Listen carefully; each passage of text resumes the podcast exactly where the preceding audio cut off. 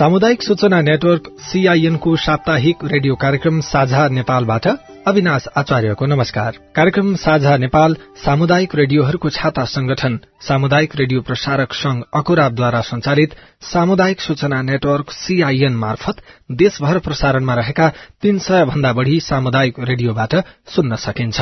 Sajha Nepal W W W dot CIN Khabar dot कममा internet मार्फत चाहेको बेला विश्वभरि सुन्न सकिन्छ भने मोबाइल एप सीआईएन र हाम्रो फेसबुक पेज सीआईएन खबर मार्फत पनि सुन्न सकिन्छ। कार्यक्रम साझा नेपालको आजको अंकमा हामी नेपालमा कुरिलो खेतीको अवस्था र सम्भावनाका विषयमा छलफल गर्दैछौ। प्रशस्त मात्रामा प्रोटिन भिटामिन फाइबर क्याल्सियम लगायत पौष्टिक तत्व पाइने भएपछि पछिल्लो समय कुरिलो सेवन गर्नेको संख्या बढ़िरहेको छ। विशेष गरी कोरोना संक्रमण बढ़िरहेका बेला प्रति किलो नौ हजार रूपियाँसम्म तिरेर कुरिलो खानुपर्ने बाध्यता भए पनि पछिल्लो समय यसको बजार भाव घट्दै गइरहेको छ। नेपालमा कुरिलो खेती गर्ने किसान बढ़दै गएपछि यसको बजार मूल्य पनि घट्दै गएको हो। कार्यक्रम शुरू गरौं यो रेडियो रिपोर्टबाट। कुरियो थाहा हुँदैन थियो हाम्रो गाउँमा त घाँस काटेर जंगलमा त ए लट्ठीले फ्याँकिन्थ्यो खाइदिन्थ्यो। जरा चाहिँ भैँसीलेहरूलाई दुधहरू। अहिलेको मौसम कुरिलोको हो। कालीमाटी फलफूल तथा तरकारी बजार विकास समितिका अनुसार कुरिलोको अधिकतम थोक मूल्य दुई सय पचास रूपियाँ छ। खुद्रा बजारमा किन्दा भने मूल्य दोब्बर भन्दा बढ़ी पनि हुन सक्छ। कुरिलोको बजार भाव पाउको सय रुपियाँ किलोको चार सय पचास। किनभने त्यो अब राम्रो नराम्रो हुन्छ। झिनो मसिनो मोटो कलिलो। तर बेमौसमको समयमा नेपाली बजारमा कुरिलोको मूल्य प्रति किलो नौ हजार रूपियाँसम्म पनि पुगेको छ। प्रशस्त मात्रामा पौष्टिक तत्व पाइने भएकाले उपभोक्ताले महँगो मूल्य पनि तिर्ने गरेका छन्। ललितपुर सुनाकोठीका सुदर्शन सञ्जेल। कुरिलो लगभगमा दुई तिन दिन बिराएर खाइरहेको हुन्छ। सिजन अनुसार हुन्छ होइन। अहिले त कुरिलो एकदमै निस्किने टाइमै हो। सिजनमा सस्तो हुन्छ अफ सिजनमा महँगो हुन्छ। कुरिलो नेपालीको भान्साको रोजाइमा पर्छ। देशभित्र कुरिलोको खपत बढ़दै गर्दा उत्पादन भने बढ़ेको छैन। विशेष गरी चैत महिनामा बिउ राखेर असार महिनामा कुरिलो रोपिन्छ। पछिल्लो समय कुरिलो खेती गर्न चाहने युवाहरू थपिएका छन् तर आन्तरिक उत्पादनले देशभित्रको माग धानिरहेको छैन। ललितपुर जिल्ला लेले टिका भएर पनि भन्छ। यता लुबु लामा टारबाट नि आउँछ। ललितपुरमा बढी हुन्छ। काठमाडौँ भन्दा ललितपुर जिल्लामा। कालीमाटी हामी जान्छौँ। कालीमाटी जता हेर कुरिली कुरिली देखिन्छ त। प्रशस्तै छ। कृषि तथा पशुपन्छी विकास मन्त्रालयका अनुसार नेपालमा दश वर्ष अघि देशभर एक सय सड़तीस हेक्टर क्षेत्रफलमा कुरिलो खेती हुने गरेको थियो। दश वर्ष पछिको अवधिमा पनि कुरिलो खेती हुने क्षेत्रफल एक्काइस हेक्टरले मात्रै बढ़ेको छ। उत्पादन पनि उत्साहप्रद तरिकाले बढ़ेको छैन। दश वर्ष अघि देशभित्र एक हजार त्रिसठी मेट्रिक टन उत्पादन भएकोमा दश वर्षपछि यो वर्ष जम्मा एक हजार एक सय छैसठी टन मात्रै कुरिलो उत्पादन भएको छ। कुरिलो उत्पादन गर्न सके बजारको समस्या छैन। अहिले पाल्पामा म जस्तै अरूले पनि कुरिलो खेती गर्न थालेका छन्। कुरिलो गर्भवती सुत्केरी बिरामी व्यक्तिहरूका लागि महत्वपूर्ण मानिन्छ। यसको जरालाई समेत औषधिको रूपमा प्रयोग गर्न सकिने भएकाले कुरिलोको महत्व छुट्टै रहेको आयुर्वेदिक चिकित्सकहरू बताउँछन्। वरिष्ठ कविराज विमल कुमार श्रेष्ठ। कुरीले एकदमै महत्वपूर्ण औषधीय जडीबुटी हो। यो औषधिको रूपमा मात्र प्रयोग नभए आम मानिसहरूको भान्सामा तरकारीको रूपमा पनि प्रयोग गरिन्छ। फरक के हो भने भान्सामा तरकारीको रूपमा प्रयोग गरिने कुरिलोको टुसा प्रयोग गरिन्छ। भने औषधिको रूपमा प्रयोग गरिने कुरिलोको जराको धुलो वा रस प्रयोग गरिन्छ। औषधिको रूपमा कुरिलो किन प्रयोग गरिन्छ? भन्दा कुरिलोमा स्तनपान गराइरहनुहुने स्तनपाई आमाहरूको लागि प्रशस्त मात्रामा दूध उत्पादन बढाउन शरीरमा तागत बढाउन आमालाई हृष्टपुष्ट बनाउनको लागि प्रयोग गरिन्छ। जब महिला दिदीबहिनीहरू सुत्केरी हुनुहुन्छ त्यस समयदेखि निरन्तर रूपमा तीनदेखि छ ग्राम कुरिलोको जराबाट बनेको धुलो औषधिहरू अथवा ताजा जराको बाट निकालेको रस दसदेखि बीस एमएल बिहान र बेलुका एक गिलास मनतातो दूधसँग सेवन गर्नु भएमा उहाँहरूको स्तनबाट प्रशस्त मात्रामा दूध उत्पादन हुन्छ। दूधको मात्रा बढेपछि बच्चाले प्रशस्त मात्रामा दूध पिउन पाउँछ। जसले गर्दा आमा र बच्चा दुवैको स्वास्थ्य हृष्टपुष्ट हुन्छ। अनि कुपोषणबाट हुने मृत्युदर घटाउन सकिन्छ। त्यही भएर सरकारले बच्चा जन्मेदेखि छ महिनासम्म पूर्ण स्तनपान गराउनु हुने स्तनपाई आमाहरूको लागि प्रत्येक जिल्ला आयुर्वेद स्वास्थ्य केन्द्रहरूबाट निशुल्क रूपमा कुरिलोबाट बनेका औषधिहरू वितरण गरिरहेका छन्।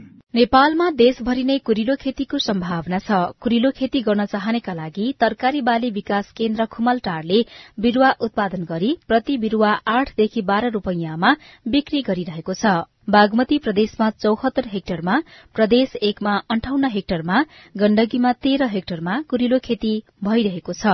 लुम्बिनी प्रदेशमा एघार हेक्टरमा र कड़ालीमा दुई हेक्टरमा कुरिलो खेती भइरहेको छ। मधेस र सुदूरपश्चिम प्रदेशमा भने यसको खेती भइरहेको छैन। कुरिलोको खेती विस्तार गर्न सरकारले के गरिरहेको छ? राष्ट्रिय आलु तरकारी तथा मसला बाली विकास केन्द्र किर्तिपुरका प्रमुख वासुदेव काफ्रे हामी अन्तर्गतको फार्मले पनि अहिले कुरिलोका लागि सपोर्टको कार्यक्रमहरू छ। प्रदेश स्थित विभिन्न ज्ञान केन्द्रहरूले पनि कुरिलो खेतीको लागि बिरुवा उपलब्ध गराउने बिउ उपलब्ध गराउने सिंचाइका सुविधाहरू उपलब्ध गराउने होइन? यो किसिमको कार्यक्रमहरू चाहिँ ल्याउन पर्ने देखिन्छ। सरकारले कुरिलोको उत्पादन बढ़ाउने नीति लिएको भए पनि चालू आर्थिक वर्षको एघार महिनाको अवधिमा मात्रै एघार हजार पाँच सय तेह्र किलो कुरिलो आयात भएको छ। देशभर खेतीको सम्भावना भए पनि लगानी नहुँदा कुरिलो आयातमा नै वार्षिक रूपमा देशको लाखौं रकम बाहिरिरहेको छ। रिपोर्टपछि अब लागौं कुरिलो खेती प्रविधितर्फ। कुरिलो एक बहुवर्षीय तरकारी बाली हो। यसको खेती न्यानो र समशीतोष्ण हावापानी भएको खास गरी मध्य पहाड़ी क्षेत्रमा सफलताका साथ गर्न सकिने भएको हुँदा मध्य पहाड़ी क्षेत्रको सामुदायिक वन निजी वन तथा कृषकले आफ्ना पाखा पखेराहरूमा व्यावसायिक रूपमा कुरिलो खेती गरी अतिरिक्त आमदानी गर्न सक्ने राम्रो सम्भावना देखिएको छ। बहुवर्षीय बाली भएको हुँदा कुरिलोको उत्पादन शुरूका वर्षहरूमा केही कम भए पनि राम्रोसँग व्यवस्थापन गरेमा टुसाको उत्पादन तेस्रो वर्षमा एक हजार किलो चौथो वर्षमा दुई हजार किलो तथा पाँचौं वर्षमा करिब तीन हजार किलो प्रति हेक्टरसम्म हुन्छ। हामीले कुरिलो खेती प्रविधिबारे तरकारी बाली विकास केन्द्र खुमलटारका प्रमुख वरिष्ठ बागवाणी विकास अधिकृत दिनेश प्रसाद सापकोटासँग कुराकानी गरेका छौं। कुरिलो खेती त अलि केही वर्ष अगाडिदेखि नै सुरु भएको पाइन्छ होइन? हाई भ्यालु क्रपको रूपमा यसलाई खेती गर्दै आइएको थियो। यो अलिकति सहर अलिकति लाइट मान्छेहरूले बाहिर विदेश गएर आएका मान्छेहरूले अलिकति बढी चासो राखेको देखिन्थ्यो। अहिले यो कोभिड पछाडि खेती त बिस्तारै बढ्दैछ होइन? कतिपय अब सहर बजारहरूमा अब यसको पोषण तत्वको भ्यालु होइन? यसको चाहिँ पोसिलो भ्यालुले गर्दाखेरि बढ्दै गएको त छ। विशेष गरी यो कोभिडको बेला मान्छेहरूलाई चाहिँ कोभिडबाट बस्नको लागि पसिलो खानाको आवश्यक महसुस भयो। त्यो बेला चाहिँ कुरिलो चाहिँ को डिमान्ड एकदम बढेर गएको अवस्था छ। अहिले आम उहरूले चाहिँ कुरिलोप्रति चासो राखेको पाइन्छ। कुरिलो खेतीकै कुरा गर्दाखेरि अलिक पुरानो अथवा गाउँतिरको मान्छेहरू भेट्ने हो भनेदेखि यो त जंगलमा प्रशस्तै पाइन्थ्यो। यसको जरा अथवा यो चाहिँ हामीले गाई भैँसीको दूध बढोस् भन्नको लागि खुवाउँथ्यौं भन्ने खालको कुराहरू पनि गर्नुहुन्छ। जंगलमा पाइने कुरिलो र बारीमा खेती गर्न थालेको कुरिलो एउटै हो अथवा यसबीचमा केही फरक छ? प्रजातिको हिसाबले कुरिलो वर्गमा भए पनि अब त्यो विशेष गरी हाम्रो चरा मेडिसिनल भ्यालुको लागि चाहिँ काँडा हुन्छ। विशेष गरी तल गाना यसको अलिकति औषधीय गुणको लागि चाहिँ अब परापुरो कालदेखि होइन त्यो थियो। कतिपय गाई वस्तुको दुध आउने ऊ हिसाबले पनि गर्छौँ। हामी हाम्रो एउटा संस्कृतिको हिसाबले साउनमा लुतो फाल्ने भनेर चाहिँ पनि कुरिलोलाई प्रयोग गर्ने गरेको पाइन्छ। तर अब खाने कुरिलोको हिसाबले अब स्पियर भन्छौँ हामी जुन टुसा आउँछ जङ्गली र यो चाहिँ फरक छ। अब व्यावसायिक रूपमा खेती गर्ने तरकारी खाने कुरिलोहरू काँडा नहुने होइन खालको हुन्छ फरक हो। कुरिलो खेती गर्न चाहने मान्छेले नेपालको जुनसुकै भेगमा रहेर कुरिलो खेती गर्न सक्छन् अथवा यसको कुनै विशेषता छ यो क्षेत्रमा मात्रै हुने भन्ने? विशेष गरी हाम्रो तराईदेखि दुई हजार बाइस सय मिटरसम्म कुरिलो लगाएको पाउँछौ। र अब अलिकता बढी चिसोमा गइयो भने यो कुरिलो हामीले टुसा लिने समय चाहिँ कम हुन्छ। जस्तो भनौँ न अब दुई हजार बाइसतिर गयौँ भने अब चैत वैशाखतिर टुसा निस्किन्छ होइन? असोजतिर चिसो बढ्छ छोटो समय हुन्छ। अब जति जति हामी तल हुन्छौँ टेम्परेचर फेभरेबल हुन्छ। विशेष गरी अलि मध्य पहाडमा चाहिँ सम्म हामीले राम्रो लिन सक्छौँ। तराईदेखि मध्य पहाडसम्म भनौँ न पन्ध्र सोह्र सय मिटरको हाइटमा अलि व्यावसायिक रूपले हामीले गर्न सक्छौँ। तर हामीले अब कुरिलो अठार सय दुई हजारसम्म पनि हामीले सफलतापूर्वक गर्न सक्छौँ। तर अलिकति व्यवसायिक हिसाबले अलि लामो समय चाहिँ टुसा लिने हिसाबले हाम्रो तराईदेखि मध्य पहाड़सम्म सफलतापूर्वक सम्पन्न गरेको देखिन्छ। बजारमा कुरिलोको भाउ पनि छ मान्छेहरूले कुरिलो खोजी खोजी खान पनि थालिसके त्यसो भए गर्दा म चाहिँ कुरिलो खेती गर्नु पर्यो भनेर यदि कोही किसानले सोच्नु भएको छ भने उहाँहरूले कुरिलो खेती गर्नको लागि बिउ कहाँदेखि ल्याएर कहिलेसम्म कसरी रोप्नेसम्मको प्रविधि बारे जानकारी गराइदिनुहोस् न। हामीले बिउबाट चाहिँ हामीले गर्छौँ। अब हाम्रो नेपालको मार्केटमा नेपालको बजारमा चाहिँ अब मेरी वासिङटन जातको कुरिलोको बिउ चाहिँ उपलब्ध छ होइन? अब विदेशतिर हाइब्रिड जात पनि मेल हाइब्रिडहरू होइन? भाले जातको चाहिँ कुरिलोहरू पनि पाउँछ होइन? ओपी भन्छ हामी ओपन पोलिनेटेड भन्नु स्वयंशिक्षित होइन? त्यस्तो जातहरू चाहिँ अलिकति फल्ने फुल्ने गेडा लाग्ने हुन्छ। हामीले जातीय सेलेक्सन गर्दाखेरि अब यो भाले जातको कुरिलो चाहिँ अब अलिक कम बजारमा हाइब्रिड कम पाउँछ। अब अलिक बढी एभाइलेबल सजिलै पाउने भनेको मेरी वासिङटन भन्ने जात पाउँछ। चिसो ठाउँ काठमाडौँ उपत्यका जस्तो ठाउँहरूमा छ भने हामीले चैततिर हामीले बिउ राख्न सक्छौँ। दुई महिना जति यसको बेर्न तयार हुनलाई लाग्छ र हामीले वैशाखको अन्तिम जेठको आधा आधीबाट चाहिँ हामीले बेर्न तयार गर्न सक्छौँ भने। अब अहिले तराई पोखरासम्मको जस्तो आठ सय सात सय आठ सय मिटर न्यानो ठाउँहरूमा हामीले अलि अगाडि टनेलमा गऱ्यौँ भने हामीले अलिक सानो बेर्ना तयार गर्न सक्छौँ फागुन चैततिर लगाउन पनि सक्छौँ होइन? अब यो ठाउँ र परिवेश हेरी बेर्ना तयार गर्न सकिन्छ। सामान्यतया दुई महिना जति हाम्रो बेर्ना तयार हुन लाग्छ। अब यो कुरिलो एकपटक लगाइसकेपछि हामीले बाह्र पन्ध्र वर्ष सजिलै यसबाट चाहिँ हामीले उत्पादन लिन सक्छौँ। यो बहुवर्षीय हो। जराहरू हामी साउन भन्छौँ जराहरू चाहिँ अलिक गहिरोसँग जाने हुन्छ। कुरिलोको नर्सरीमा बिहान जमाइसकेपछि अब फिल्डमा लगाउने बेला हामीले अलिकति मलिलो कुरिलो विशेष गरी जमिन मुनिबाट टुसा आउने भएको हुनाले चाम्रो अलिक सुक्खा हुने कक्क हुने खालको माटो भन्दा अलिकति नरम खालको माटो भनौँ न। नरम भनेको अलिक बेलौटे बेलौटे टाइपको अलिक पाँगो खालको माटो। त्यस्तो माटोमा यसको जराहरू फैलिन पाउँछ र राम्रो टुसाहरू आउने हुन्छ होइन? त्यसै गरी कुरिलोको लागि अलिकति मलिलो रसिलो होइन? समयमा सिँचाइ गर्न सकिने। टुसाहरू चाहिँ अब कलिलो टुसाहरू हुन्छ होइन? पानीको मात्रा बढी हुन्छ। अब सुक्खा हुने माटो सुक्ने हामी सिँचाइ गर्न नसकिने जमिनमा टुसाहरू कमाउँछ। अलिक प्रशस्त चाहिँ चिस्यान कायम गर्न सक्ने र मलिलो चाहिँ उ गर्न सक्यौँ भने टुसाहरू राम्रो टुसाहरू हामीले प्राप्त गर्न सक्छौँ। त्यसैले गर्दा माटो गर्दाखेरि अलिक गुरगुराउँदो अलिक लाइफ स्टाइल भन्छौँ नि हामी। अलिक बलौटे बलौटे टाइपको त्यस्तो सोइल भयो भने अझ राम्रो हुन्छ मल्लो होइन? टोमट खालको। मल्लो माटो सानो। अब त्योभन्दा अगाडि हामीले जमिन अलिकति बहुवर्षीय झारहरू होइन? यो पनि एउटा बहुवर्षीय तरकारी भएको हुनाले बहुवर्षीय झारहरू केलाएर माटो चाहिँ तयारी राम्रोसँग गर्नु पर्यो र अलिकति रोप्ने बेलामा दुरी है? यसको जराहरू अलिकति फैलिने हुन्छ। हामीले चाहिँ सामान्यतया पचास साठी सेन्टिमिटर एउटा प्ला बिरुवादेखि अर्को बिरुवाको दूरी गर्न सक्छौँ भने पचहत्तरदेखि नब्बे सेन्टिमिटर एक लाइनदेखि अर्को लाइन दुईटा लाइनको बिचमा हामीले पचहत्तरदेखि नब्बे सेन्टिमिटरको दूरी काम गर्ने र पचासदेखि साठी सेन्टिमिटर हाम्रो एउटा बिरुवादेखि अर्को बिरुवाको चाहिँ दूरी गरेर हामी लगाउन सक्छौँ। अब यसरी लगाउँदै जाँदाखेरि हामीले प्रशस्त मात्रामा गोबर मल होइन प्राइमारिक मल चाहिँ राख्नु पर्यो र हरेक वर्ष चाहिँ मलहरू चाहिँ दिनुपर्ने हुन्छ।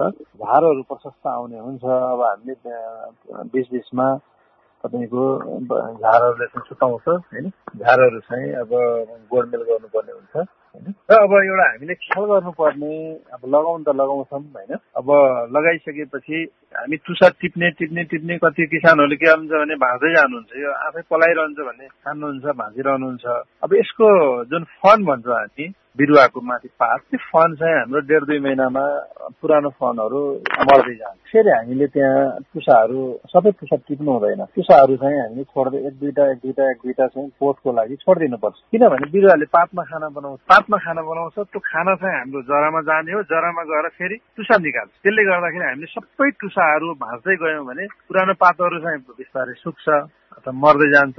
त्यसले चाहिँ हाम्रो खाना बनाउँदैन होइन? त्यसले गर्दाखेरि तल जराहरूमा भएको अब सञ्चित फुडहरू खाना रित्किने हुन सक्छ है। अलिकति हाम्रो यो टुसाहरू छोड्ने र टिप्ने कुरा अलिकति ब्यालेन्स मिलाउनु जान्यो भने टुसाहरू हामीले लिइरहन सक्छौँ।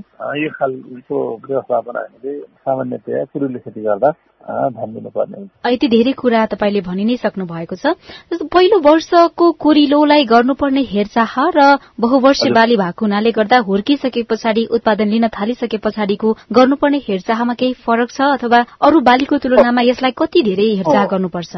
हो राम्रो कुरा गर्नुभयो होइन। अब स्वाभाविक हो हामीले जति जति हामीले यसलाई खाना पुऱ्याउँछौँ अब त्यति उत्पादन दिने हुने हो होइन बिरुवाको क्षमता अनुसार। सुरुमा के हुन्छ भने बेर्न सानो हुन्छ होइन।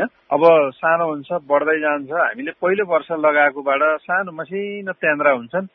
त्यसबाट चाहिँ उत्पादन हुँदैन। भनौँ न हामीले चाहे अनुसारको उत्पादन हुन। यस्तो जराहरू तल हामी गाँठी भन्छौँ नि होइन? त्यो चाहिँ अलिकति ठुलो हुँदै जाने। जति माथि बढ्छ फेरि तल जराहरू बढ्छ फेरि माथि बढ्छ।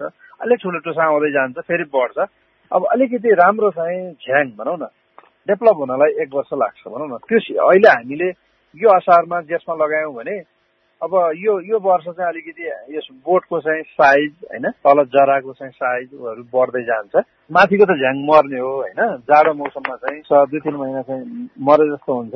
अनि पछाडि चाहिँ फेरि हाम्रो अब काठमाडौँ जस्तो हावापानी भएको ठाउँमा फागुनको अन्तिमतिरबाट पलाउन थाल्छ। अब तराईतिर हो भने त फागुनको सुरुबाट टेम्परेचर बढ्ने बित्तिकै चिसान पायो भने अलिकति टेम्परेचर बढ्ने बित्तिकै पलाउन थाल्छ। है एक डेढ महिना तराई भनौँ न अलिक बढी टेम्परेचर हुने र चिसो हुनेमा फरक आउँछ। तर पहिलो वर्ष हामीले उत्पादन नलिने होइन? दोस्रो वर्षबाट अलिकति बोटहरू राम्रो हुँदै जान्छ अलिक ठुलो टुसाहरू आउन थालेपछि अनि ब्यालेन्स मिलाएर चाहिँ हामीले उत्पादन लिनुपर्ने हुन्छ यसको बजारको अवस्था चाहिँ कस्तो देख्नुहुन्छ तपाईँ? अब एकपटक त झण्डै झण्डै खुद्रा मूल्यमा अथवा उपभोक्ताले किन्ने बेला किलोको नौ हजार रुपियाँसम्म पुग्यो भन्ने कुराहरू पनि छन्। कालीमाटीबाट प्रति किलो तीन सय रुपियाँमा पनि कारोबार भइरहेको छ। खास यो भाव वृद्धि हुने फेरि तल झर्ने समग्रमा हेर्दा कस्तो देखिन्छ? अब यो के हुन्छ भन्दाखेरि यसको मेन अब भनौँ न एकदम पिसाहरू आउने भनेको अब यो जब रेनफल बढ्छ प्रशस्त चिस्यान हुन्छ हामीले मल पनि दिन्छौँ। टेम्परेचर पनि बढी हुने अलिकति चिस्यान हुने अब यसलाई सेड्युल कन्डिसन हुँदाखेरि विशेष गरी अब यो जेठ असार साउन होइन यो टाइममा चाहिँ अब टेम्परेचर पनि पुग्छ प्रशस्त मोइस्चर पनि हुन्छ। यो बेला चाहिँ म्याक्सिमम टुसाहरू निस्किने बेला होइन। स्वभाव अहिले के हुन्छ भने बजारले के हुन्छ थोरै भएको बेलामा कन्ज्युमरले नपाउने बेलामा चाहिँ अब अलिक बढी तिर्न पनि तयार हुन्छ। हुन्छ। अब बजारमा अलिक धेरै आइसकेपछि मान्छेले चाहिँ अब प्रशस्त मात्रामा भएपछि अब बिक्री थोरै कम हुने भयो भने अब सस्तो स्वभाव हो। बजारले चाहिँ मूल्य निर्धारण गर्छ। अभाव हुने बेला अलिक बढी पर्ने भयो होइन। स्वभाव हो अब यसको चाहिँ अब तिन सय भनौँ न ढाई सय तिन सय फार्मगेट प्राइस भयो भने पनि किसानले किसानलाई राम्रै मूल्य हो यो। कन्ज्युमरकोमा रिटेलमा जाँदाखेरि अब चार सय पाँच सयमा बेचेको। अलि राम्रो है। अब त्यसमा पनि कुरिलो तपाईँ खिचिएको होइन एकदम राम्रो चाहिँ अब कलिलो होइन। स्ट्यान्डर्ड साइजको चाहिँ कुरिलो र अब अलि लामो लामो अलिक सिकिएको जस्तो होइन। साइज यो मसिनो मोटो अब यो मूल्य त त्यो अनुसार अब केही फरक चाहिँ भइहाल्छ। कुरिलोको डाँठ लगायतलाई नै निर्धारण गरेर हामीले बेच्ने गर्छौं भनेर सुनिन्छ।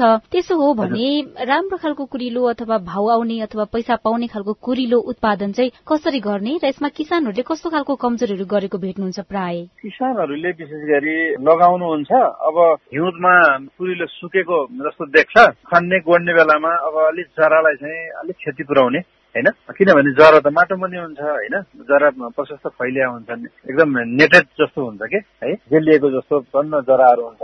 अब त्यो अलिकति खन्ने बेलामा अब जरालाई चाहिँ बचाउनु पर्छ। अलिकति औषध लाग्यो। गऱ्यो भने अब टुसाहरू कमाउने हुन्छ होइन? एउटा त्यो पाटोमा ध्यान दिनु पर्यो पाँच छ महिना यसले छ सात महिना उत्पादन दिने हुनाले प्रशस्त मात्रामा गोबर मल प्रयोग गर्न सक्यो भने माटो पनि हलुका हुने होइन? यसलाई चाहिँ खाद्य तत्व पनि पुग्छ मैले भने नि माटो अलिकति बुर्बराउँदो अलिकति कमलो कमलो खालको माटो कक्रक नपर्ने। माटो र प्रशस्त प्राङ्गारिक मल हामीले पुऱ्याउन सक्यौँ भने राम्रो टुसा आउँछ। तपाईँको कुरा अनुसार तापक्रम अलिक बढी भएको ठाउँमा राम्रो टुसा आउने भन्ने बुझेँ मैले। त्यसो हो भने त मध्य प्रदेशका अधिकांश जिल्लामा यसको व्यावसायिक खेती त सम्भव छ होला नि होइन?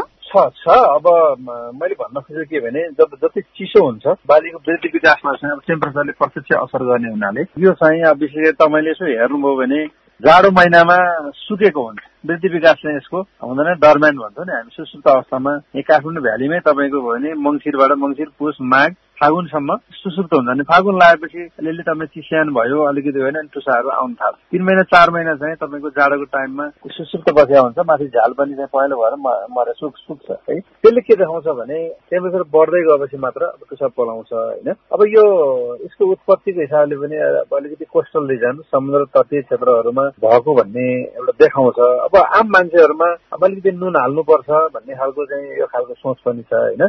अब त्यस्तो लिटरेचरहरूले उसले अब अलिकति हाम्रो कोस्टल डिजाइन भनौँ समुद्री तटीय क्षेत्रहरूमा उत्पत्ति भएको यसो लिटरेचर हेर्दा त्यो देखाउने हुँदाखेरि अब अलिक नुनिलो हो कि नुनिलो एरियामा हुने हो कि भन्ने खालको सोच हो होइन? नुन हाल्ने गर्ने त्यस्तो उत्पादन भएको त्यस्तो त देखिन्न होइन? अब अलिकति सेलाइन भनौँ न अब थोरै बेसिक बेसिक सोइलमा राम्रो हुने हो कि भन्ने त्यसले देखाउँछ होइन? अब किसानहरूले चाहिँ अब कतिले के हुन्छ नुन हाले राम्रो हुन्छ भने अब आवश्यकता भन्दा बढी नुन हाल्ने पनि गर्नुहुन्छ किचन गार्डनमा लगाउने किसानहरूले मैले त नुन यति हालेँ भनेपछि त्यो नुनले त अब नुन बढी हुने बित्तिकै त त्यसले खाइसिन्छ होइन? यी कुराहरूमा चाहिँ अब बुझेर मात्र हामीले गर्नुपर्ने हुन्छ जस्तो लाग्छ होइन? अब अलिकति राम्रो कुसाहरू गर्ने भने हामीले म्यानेजमेन्ट भनौँ न ध्यान त्योहरू हाम्रो फर्टिलिटी होइन? सुसुत अवस्थामा जानुभन्दा अगाडि मजाले चाहिँ मलहरू व्यवस्थापन गरियो भने अनि एक्टिभ अवस्थामा जाने बेलामा माटोबाट चाहिँ मल लिन्छ होइन? खाद्य तत्व प्राप्त गर्छ राम्रो उत्पादन दिन सक्छौँ। झालको यसको चाहिँ पुरानो भएको पातहरू हटाइदियो गरिदियो अनि दुईवटा चाहिँ सुटहरू चाहिँ यसो कन्टिन्यू रूपमा चाहिँ बिस्तारै छोड्दै म्यानेज गर्दै टिप्दै त्यसरी लानु सक्यो भने अलिक हेल्दी चाहिँ बोट हुन्छ। टुसा चाहिँ हामीले राम्रो दिन सक्छौँ। र टिप्ने बेलामा पनि होइन फाइबर चाहिँ सकेसम्म फाइबर नबस्दै होइन फेरि साइज फिट जत्रो चाहिँ अब साइजहरू बोक्दो हुन्छ। कोही कति सप्रेको हुन्छ त्यसले पनि गर्छ। अलिक ठुलो टुसा सानो टुसा होइन। हामी त्यसमा नि गर्छौँ। तर हामीले यसो जजमेन्ट गऱ्यो भने हामीले थाहा पाउँछौँ यो छिप्पियो छिप्पिएन भन्ने कुराहरू। माथि नपुग्दै है माथि टुप्पा हुन्छ नि। त्यो टुप्पाहरू फर्र चाहिँ नपुग्दै अलिकति एट्र्याक्टिभ पनि हुन्छ होइन? बढी मूल्य पनि पाउँछ। त्यो हिसाबले हामीले हेर्नु पर्ला जनसङ्ख्या बढेको छ होइन? आय आर्जन बढेको छ चेतना बढेको छ मान्छेले अलिक कन्सियस हिसाबले प्रोटिनको स्रोत पोषण तत्व विभिन्न स्रोतबाट प्राप्त गर्न चाहन्छ। पहिला पहिला मासु भन्ने हुन्थ्यो अब अहिले मान्छेले कन्सियस भएर सबै चिजहरू खाने चिजहरूमा न्युट्रिसनिस्टको एउटा चाहिँ रुल फलो गरेर त्यसरी पनि खाने अगाडि बढेको अवस्था छ। अब यो फेरि विशेष गरी अलिकति भेजिटेरियन कोहरूलाई पनि अब यो पोसिलो होइन? बिरामीहरू सुकेरी भएकोदेखि लिएर अपरेसन गरेको अहिले कुरिलो भनौँ न हस्पिटलहरूमा कुरिलो खाने भन्ने यो खालको बिरामीहरूमा यो खालको आएको मान्छे अवेरनेस बढेको छ होइन? अलिकति क्रय शक्ति बढेको छ पोषणप्रति स्वास्थ्यप्रति बढेको छ। यसले निश्चित रूपमा कुरिलोको चाहिँ अलिकति मार्केटलाई डिमान्डलाई बढाएको छ। निश्चित कोभिडको बेला सुनेका थियौँ। चितवनको कुनै एउटा मेडिकल उसले पसलले कुरिलो महँगोमा चाहिँ कुरिलो बेचिरहेछ भन्ने एउटा चाहिँ न्युज पनि सोसियल मिडियाहरूमा आएको थियो। त्यसले पनि एउटा चाहिँ जागरुकता ल्याएको देखिन्छ त्यसले मेरो विचारमा अलिकति डिमान्ड बढ्दै गएको छ। किसानहरूले चाहिँ अब नयाँ बाली भएको हुनाले चाहिँ डिटेल इन्फर्मेसन कति थाहा नपाएको पनि हुन सक्नुहुन्छ। चाहेर पनि। अहिले हाम्रो फार्ममा तपाईँको मलाई पाँच हजार बिरुवा चाहियो मलाई दस हजार बिरुवा चाहियो भने एउटा किसान चितवनको ठुलो एउटा समूह सहकारीको चाहिँ उसले दस हजार बेर्ना लिएर जानुभएको थियो म कहाँबाट होइन? मैले एकचोटि दस हजार हेर्नुहोस्। अब योभन्दा धेरै ठुलो लगाउँदाखेरि अरू जात पनि हेर्नुहोस् डाइभर्सिफाई गर्नुहोस्। एउटै जातमा लगाउनुहोस् भनेर मैले सल्लाह पनि दिएको थिएँ। उहाँले अहिले दस हजार लिएर जानुभएको छ पाँच हजार दस हजार किसानहरू चाहिँ दुई हजार तिन हजार बेर्नाहरू खोज्न आउने किसानहरू थुप्रै त्यो मैले देखेको छु अहिले बढिरहेको राखेको छ। हजुर यो तरकारी बाली विकास केन्द्र भर्खर हुन त तपाईँले अलिकति जोडि नै सक्नु भएको छ। तपाईँ कार्यरत अफिसले पनि कुरिलोको बिरुवा वितरण गरेर किसानलाई उत्पादन गरेर किसानलाई दिने काम गरिराख्नु भएको छ। खास तरकारी बाली विकास केन्द्रले कहिलेदेखि यो बिरुवा उत्पादन थालेको हो र वर्षेनी कतिसम्म बिरुवा उत्पादन गरेर किसानलाई कसरी वितरण गर्दै आएको छ? यो त म त सरकारी बाली विकास केन्द्रमा साढे दुई वर्ष जति हुन लाग्यो होइन? त्यहाँभन्दा अलि अझ अगाडिबाटै दस पन्ध्र वर्ष अगाडिदेखि कुरिलोको धेरै थोरै चाहिँ अब के भने किसान हामीले विशेष गरी पौसी खेती हाम्रो भ्यालीको वरिपरि भएको किसानहरू होइन उहाँहरूको डिमान्ड हुन्छ होइन। सानो एरिया छ नर्सरी बनाउन नसकौँ हामीले त्यसलाई फोकस गरेर अब व्यवसाय किसानहरूले अलिकति त्यो खालको देखियो भने चाख राख्नुहुन्छ। अनि हामीले उहाँहरूलाई लक्षित गरेर पनि कहिलेकाहीँ अब अहिले हामीले पचास चालिसदेखि पचास हजार जति बेर्ना यो वर्ष उत्पादन गरेको करिब करिब हामीले सबै बिक्री वितरण गर्यौँ यो बढ्दै गइरहेको छ अथवा किसानको माग अनुसार के छ? बढ्दै गइरहेको छ। अब अलिकति सानो किसानहरूले चाहिँ अलिकति यो व्यवस्थापन गर्न थोरै नजानेको हो कि जस्तो लाग्छ। हामीले त्यसलाई फोकस गरेर बेर्न लाने किसानहरूलाई चाहिँ अब कुरिलो खेती प्रविधि सम्बन्धी अब लिफलेट होइन सानो इन्फर्मेसन पुस्ति बनाएर हामीले त्यो पनि दिने गरेका छौँ। आउने किसानहरूलाई यसरी लाउनुहोस्। जिज्ञासा राख्ने किसानहरूलाई डायबिटिज सल्लाह पनि दिने राखेका छौँ। र कतिपय किसानहरूले ला लाउनुहुन्छ अनि हिउँदमा सुक्छ अनि त्यो फेरि त्यसमा मकै लगायो खन्यो गर्दाखेरि कतिपय सानो सानो किसानहरू सफल नभएको पनि देखिन्छ कि। त्यो बेसिक कुराहरू नबुझेर त्यो खालको अवस्था पनि देखिन्छ। तर अलिक व्यवसाय किसानहरूले चाहिँ त्यसलाई चाहिँ सबै कुरा इन्फर्मेसन लिएर बुझेर गर्नुहुन्छ। हामीले यति धेरै कुरा गरिसके पछाडि अब अन्तमा कुरिलो खेतीको बारेमा अथवा जसले हामीलाई सुनिराख्नु भएको छ उहाँहरूलाई तपाईँ के सुझाव दिन चाहनुहुन्छ? अब यो एउटा तरकारीको भनौँ राजै हो होइन?